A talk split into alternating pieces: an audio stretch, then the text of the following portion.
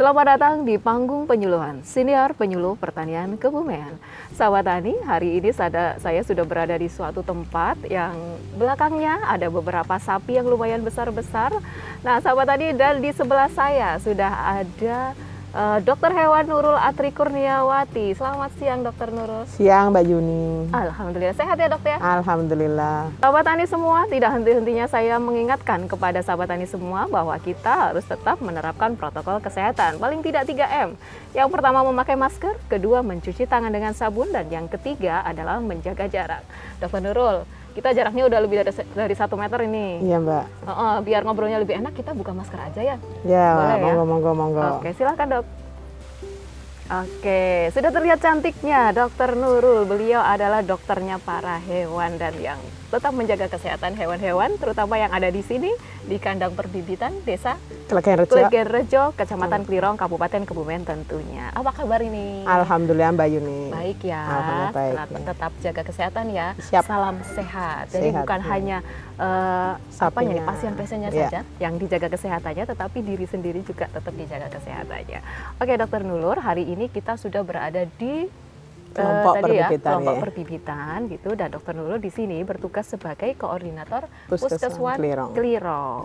Nah, dokter Nurul sebagai seorang dokter, dokternya para hewan, ini mohon maaf saya langsung sapa aja ya atau ya. dokter Nurul mau menyapa teman-temannya sesama uh, profesi sebagai dokter hewan atau di teman-teman di bidang PKH silahkan.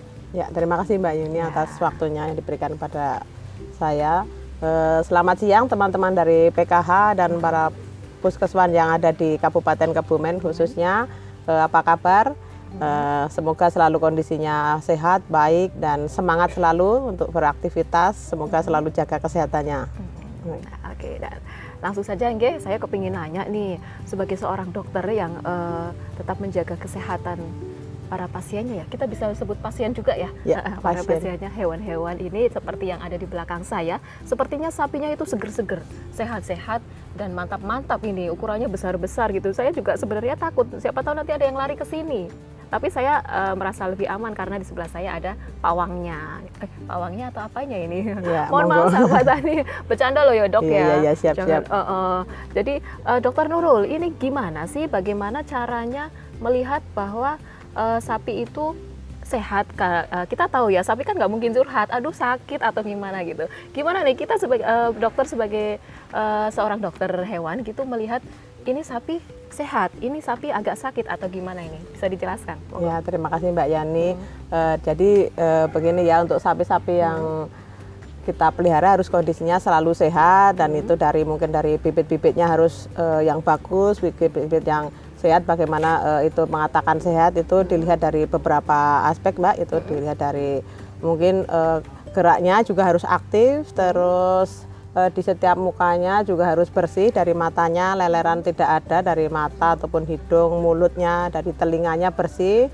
Terus kita lihat uh, kulitnya juga halus, halus. tidak kusam gitu Pak ya, hmm. tidak rontok juga untuk di daerah mungkin di belakang itu ekornya juga harus kondisinya harus selalu bersih kita perhatikan hmm. untuk biar tidak uh, ada penyakit-penyakit yang menempel di daerah uh, belakang ataupun di sekitar badannya sapi itu.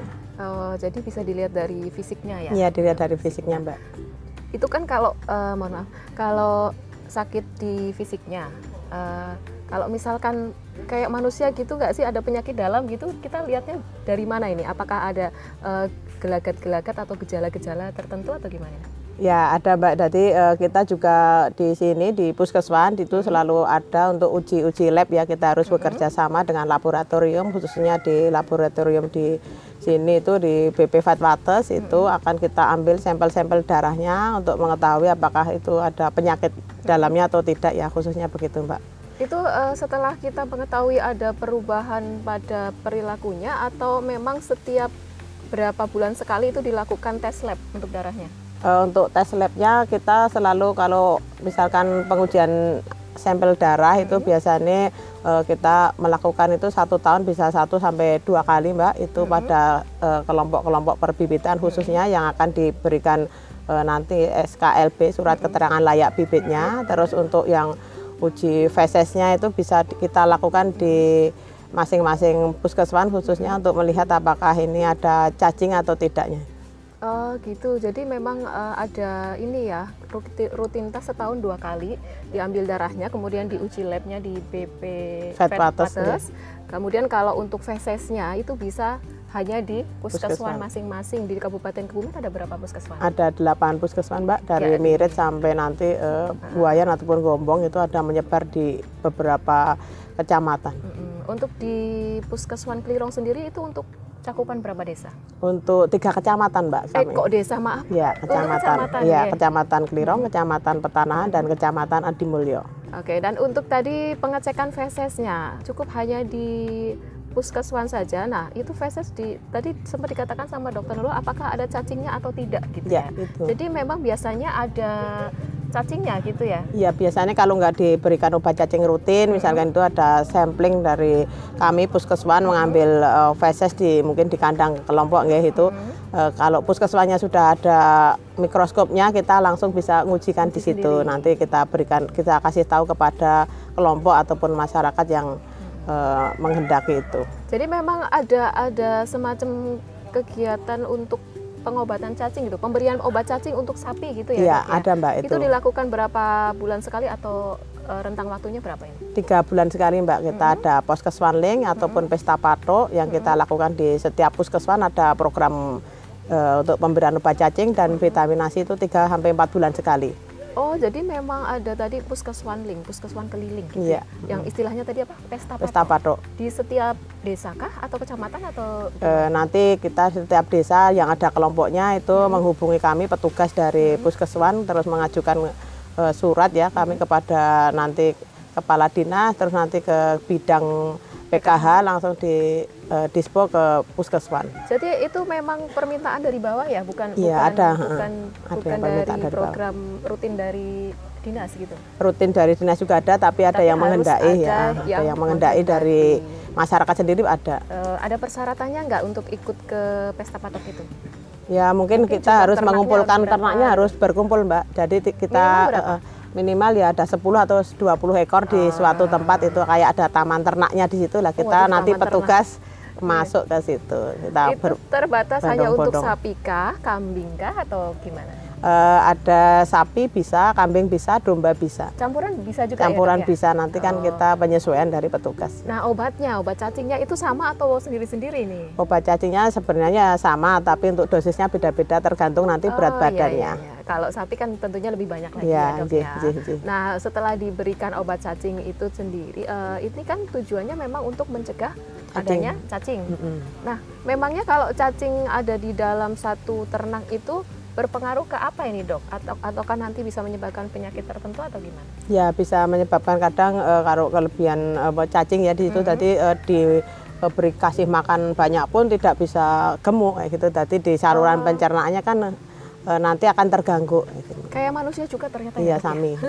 Kalau ada uh, apa anak yang terlihat lebih kurus gitu, oh mungkin dia cacingan gitu. Ternyata sapi di sapi atau di ternak juga bisa begitu ya, termasuk di kambing atau domba kambing juga atau bisa domba ya. bisa enggak. Oke, jadi uh, itu tadi obat cacing. Nah, untuk obat yang lain nanti saya tanyakan lagi deh sahabat tani. Siap ya dokter Nurul ya? Insya Allah. Uh, uh, dan jadi saya mau nanya dulu ini untuk masalah kese ini karena masalah kesehatan ya saya kepengen tahu juga tentang kesehatan reproduksi tidak agak vulgar nggak apa-apa ya sahabat tani kesehatan reproduksi yang pertama saya pengen tahu umur berapa nih sapi-sapi khususnya sapi PO Kebumen itu ya. bisa dikawinkan ya mulai hmm. dikawinkan untuk sapi PO Kebumen itu uh, di umur 18 bulan Mbak itu hmm. sudah bisa siap dikawinkan baik hmm. untuk kawin alam hmm. ataupun kawin inseminasi bunatan ataupun IB gitu. Itu uh, sama ya antara jantan dan betina usianya kawin sama ya? Oh beda kalau pejantan oh, jadi pejantan itu harus lebih dari dua tahun lebih Mbak kalau betina siap dikawin 18 bulan, 18 bulan ya. Oh gitu 18 bulan berarti baru satu setengah tahun ya, ya satu setengah tahun kalau pejantannya harus lebih dari dua tahun. Dua tahun. Ini pengaruhnya apa nih? Kalau jantannya memang apakah biar Lebih biar ininya uh, sudah siap kayak siap spermanya juga spermanya sudah, sudah siap, siap hmm. gitu ya. Oke, umur ini. Tapi kalau saya tanya tentang kesehatan reproduksi, ada ada nggak sih ini beberapa uh, penyakit-penyakit yang mungkin bisa apa menyerang ke daya Saluran reproduksi, reproduksi, gitu ya. Mohon maaf saya mengungkapkannya agak-agak gimana gitu. Iya. Tapi sebenarnya nggak apa-apa ya dok Iya, ya. insya Allah kan- nggak apa-apa. Ini kan untuk kesehatan, Kesehatan, hewan ya. gitu. Ya bisa dijelaskan sedikit nggak? Ya untuk saluran reproduksi pada hewan itu banyak mbak infeksinya baik infeksi bakterial, infeksi virus, jamur itu banyak ya macam-macam. Biasanya eh, sapi-sapi yang terjadi gangguan reproduksi itu untuk apa sistem reproduksinya itu tidak normal untuk itunya. Jadi kadang diam tidak mau birahi itulah nanti ada ciri-ciri birahi itu sendiri itu harus tahu itu masyarakat ataupun petani peternaknya itu mbak. Ya saya juga pengen tahu nih jadinya dong ciri-ciri sapi birahi. Mohon maaf sahabat tani, ini kan karena informasi yang lumayan penting juga, apalagi buat sahabat tani sahabat tani yang peternak sapi itu juga harus tahu ciri-ciri birahi itu apa aja sih. Ya siap Kak, itu sangat simpel itu kalau di petani peternak khususnya di urut sewu itu biasanya ada 3A itu Mbak. 3A Iya, apa aja ada itu? abang, abuh, anget. Tapi untuk Abang, mengetahui abuh, abang, abuh, anget itu harus eh, dibuka dulu vulvanya Mbak. Kalau nggak dibuka cuma lihat dari luarnya tak Nggak- ke- nggak kelihatan ya? ya. Nanti akan kita buka vulvanya kita akan melihat ya dari situ apakah abang artinya itu ada merah, Merah. kepingan itu abuh akan bengkak ya biasanya ada gejala itu bengkak anget itu biasanya kalau kita pegang itu eh, hangat itu di daerah vulvanya itu dan mungkin ada keluar lendirnya juga mbak di situ Oh, gitu. lendirnya harus jernih ya Jadi memang tidak bisa dilihat secara kasat mata aja ya. Kita Iya. harus menyentuh juga untuk mengetahui apakah terasa hangat atau tidak. Iya. Kalau sudah memenuhi tiga syarat itu berarti sudah siap untuk dikawinkan. bisa dikawin tapi ada jarak waktunya mbak Jarak jadi waktunya. eh, untuk birahi itu bisa biasanya misalkan sore nanti paginya baru boleh dikawinkan biar sel telurnya matang dulu Loh, itu kalau nanti sudah nggak Jarak. 3A itu gimana dok berarti? Gimana? Kalau itu kan jarak waktunya kalau sore 3A Sapi PO biasanya itu sampai 12 jam nggak apa-apa mbak untuk gitu. eh, nanti biar sel telurnya matang dulu baru Biar nanti memanggil dulu eh, untuk gitu dikawinkan ya. baik alam baik ataupun alam maupun pakai EIB, inseminasi ya. buatan gitu.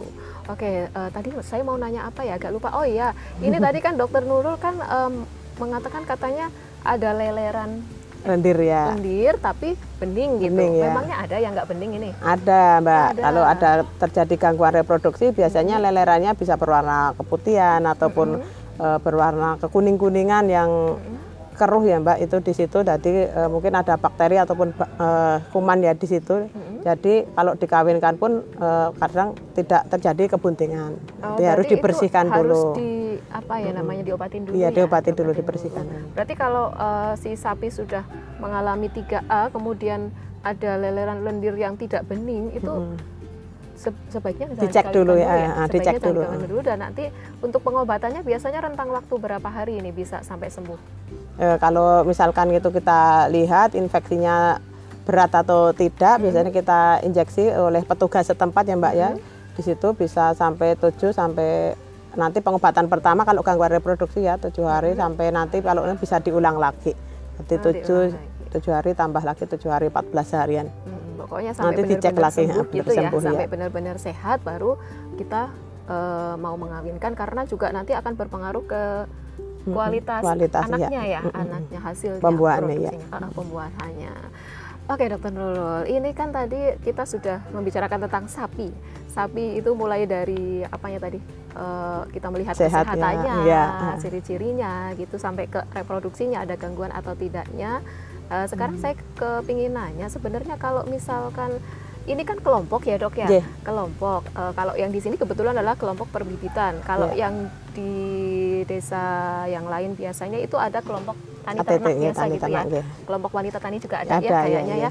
Eh, itu kan ke apa hubungan nanti hubungannya sama kedinasan gitu ya. Nah, Iya, di iya. kedinasan itu biasanya ada program-program ini yang untuk mendukung atau memfasilitasi kelompok-kelompok itu. Kira-kira dari Dinas Pertanian dan Pangan Kabupaten sendiri itu khususnya bidang PKH itu Iya. ada program apa aja sih? Ya, untuk program-programnya di kelompok tani ternak ataupun di KWTT di eh, wilayah puskeswan setempat ya Mbak ya. Kita Iya. ada yang pertama itu programnya adalah tentang tadi nggih puskeswanling ataupun pesta patok untuk pemberian obat cacing dan vitamin dan pengecekan juga kebuntingan apakah bunting atau tidak. Di situ kita akan melakukan pemeriksaan.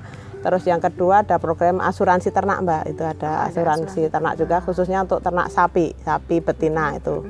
Terus yang ketiga ada kita ada mungkin ada pembinaan juga tentang kesehatan hewan, pembikinan pupuk organik ataupun uh, pembikinan fermentase, ya, fermentasi pakan ternak kayak gitu, Mbak. Oke, yang saya mau tanyakan ini tadi asuransi ternak. Nah, ternyata ternak pun diasuransikan loh, sahabat tani.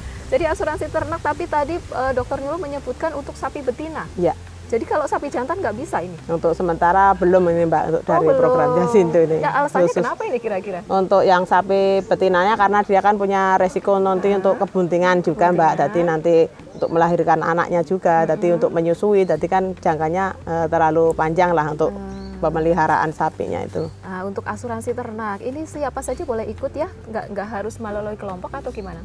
Ya harus ada di desa itu ada satu kelompok lah gitu, Oh, ada KTT gitu. ternaknya Harus nanti untuk urusan administrasinya nggih biar, enak lebih nggih, biar lebih mudah di situ. Makanya sahabat tani semua yang punya ternak atau yang eh, sudah jadi peternak, silahkan masuk ke kelompok untuk mendapatkan asuransi.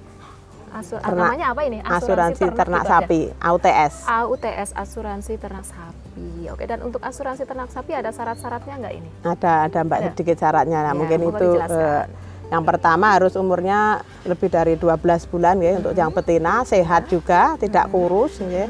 Terus eh, nanti bisa lapor ke kelompok untuk fotokopi KTP-nya juga di situ. Eh, terus nanti kita akan melakukan pengecekan langsung di lapangan kayak gitu. Kalau untuk bayar preminya gimana? Untuk bayar pre- preminya harusnya kan bayar untuk preminya itu 200.000 ada subsidi dari pemerintah 160.000 tadi petani peternak cuma membayar 40.000 per aja ekor. per ekornya saja. Paling tambah untuk 5.000 untuk cek kesehatannya nanti eh, apa itu diberikan kepada Pemda untuk itu nanti.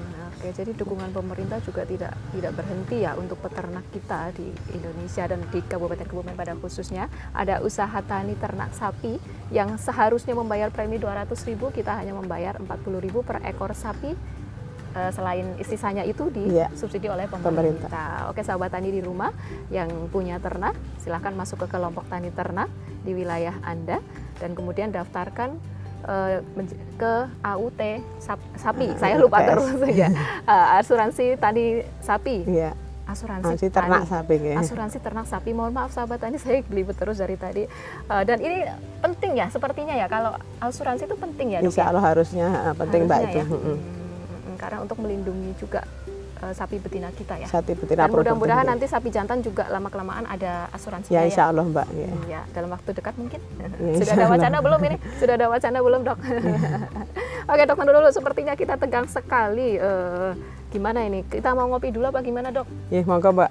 Mbak Tapi Yani. kayaknya dokter kalau ngopi di di apa di tempat seperti ini kayaknya udah biasa ya, Dok ya? Insya Allah biasa Mbak, udah nggak bau, udah nggak, udah terbiasa lah. Udah terbiasa ya. Oke, Dokter Nurul, ini kalau untuk para peternak eh, yang namanya punya peliharaan kan pasti ada kadang-kadang mungkin peliharaannya sakit atau apa gitu. Nah, sebagai seorang peternak yang mungkin nggak masuk kelompok tani juga, kelompok ternak juga, itu kalau misalkan ternaknya ada yang sakit atau butuh vitamin atau apa, itu harus menghubungi siapa dan datang ke mana ini? Ya, siap Mbak Yani itu eh, untuk yang sakit untuk para peternak itu silahkan eh, mencatat nggih semua petugas yang ada di Kabupaten Kebumen khususnya itu di situ ada delapan tadi puskeswan yang menyebar di wilayah Kabupaten Kebumen. Di situ ada dokter hewan atau medik veteriner adapun paramedik veteriner ataupun mantri mantri hewan itu eh, semuanya insya Allah sudah eh, menyebar di wilayah Kabupaten Kebumen Mbak. Itu nanti bisa untuk jadi apa nggih eh, pegangan lah biar tahu nomor HP-nya nanti bisa dihubungi satu- satu-satu itu. Oke, jadi eh, tapi tidak hanya untuk pelayanan kesehatan saja, mungkin untuk IB-nya itu juga ada, bisa ya dok ada, ya? ada nanti untuk inseminasi juga buatannya bisa. juga sudah ada Nji. Eh, eh, dan ini kayaknya layanannya layanan panggil gitu ya, karena Iya. kalau misalkan Kita host call istilahnya Mbak. eh, Eh, kalau kita misalkan sapinya dibawa pus ke puskeswan aja repot nanti Iya. ya dok ya. Biasanya hewan kecil Mbak yang dibawa ke puskeswan. bisa juga, Ah, hewan biasanya kecil, ayam kayak gitu, ayam. terus kucing, terus anjing juga Oh, kadang ada yang- ya yang kelinci ini juga ya ada. juga bisa ya dok Bisa ya, langsung ke dokter. puskeswan masing-masing Ke wilayah setempat ada, ya, masing-masing. insya Allah. Selalu siap melayani ya, Ya, para peternak insya Allah, kita di iya. Kabupaten Kebumen. Dokter Nurul, ini sepertinya lumayan panas ini walaupun Iya, kita iya. berada di bawah apa ini ya teduhan dari pohon-pohon yang sangat rindang di sini Nggih, nggih. dan sapi-sapinya terlihat santai-santai sekali. Ini saya juga kepingin nyantai seperti beliau-beliau Iya. dan mungkin dokter dulu juga sudah kepingin rebahan. Iya iya iya iya. Saya tanya terakhir aja deh dok ya. Iya, iya, iya, Eh, Mbak. Nurul, harapannya ke depan untuk dokter Nurul untuk kesehatan hewan ataukah eh, untuk fasilitasi fasilitasi fasilitasi dari pemerintah ke depannya ini gimana nih? Ya, harapannya? Harapannya untuk para petani peternak yang pertama harus selalu semangat dulu Mbak. Tadi Oh, Mbak ya kan selalu penting, semangat, semangat, ya. ya. Terus ikhlas untuk merawat hewannya Mbak. Kalau nggak ikhlas nanti sapinya Seperti disia-siakan merawat nanti anak ya. sendiri. Seperti Bukan merawat begitu sendiri, ya, Dok, iya. ya? Terus ada istilahnya keserawan kesehatan masyarakat untuk eh, hewanan itu harus ada Mbak. Jangan disia-siakan Ternyata ya. Hewan juga harus Hmm, kesejahteraannya Kesejahteraan itu harus di- diperhatikan ya. diperhatikan, Terus jangan harus disayangi betul. juga Mbak kadang ya. harus disayang, nggak harus dielus-elus juga Iya, tiap hari ya dok nggih, ya? nggih, nggih. Jangan-jangan dokter dulu tuh tiap hari ngelus-ngelus sapi nih. Iya, ya harus Betul Mbak. Ya, halus. Oh, harus Kalau ya? nggak ngelus-ngelus sapi nanti ngelus-ngelus siapa? Bingung nih saya. Waduh, yang di rumah kan ada dok. Jangan-jangan yang di rumah ternyata nggak pernah dielus-elus. Begitu dokter dulu datang ke kandang yang dielus-elus sapi. Bercanda Ya, aja ya, ya dok ya, ya. ya, nggak apa-apa biar nggak tegang ya, Mbak, ya. Nggak tegang, oke.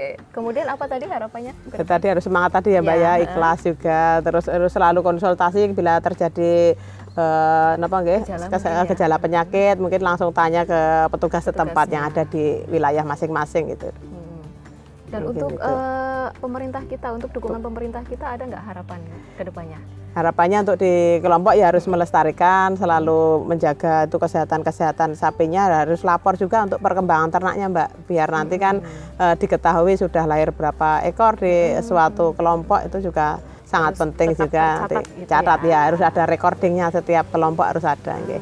Oke, terima kasih sekali Dokter Nurul ini atas ilmunya tentang kesehatan hewan, terutama untuk sapi PO kita ya, sapi Ya. PO kebanggaan Kabupaten Kebu. Ya sahabat tani, petani Indonesia berjaya, sejahtera, dan bahagia. Penyuluh pertanian Kebumen aktif, kreatif, inovatif. Saya Yuni Mersi, terima kasih dan sampai jumpa. Terima kasih dok. Ya, sami-sami Ya. Mbak Yani. Maskernya bisa dipakai lagi dok? Ya, siap.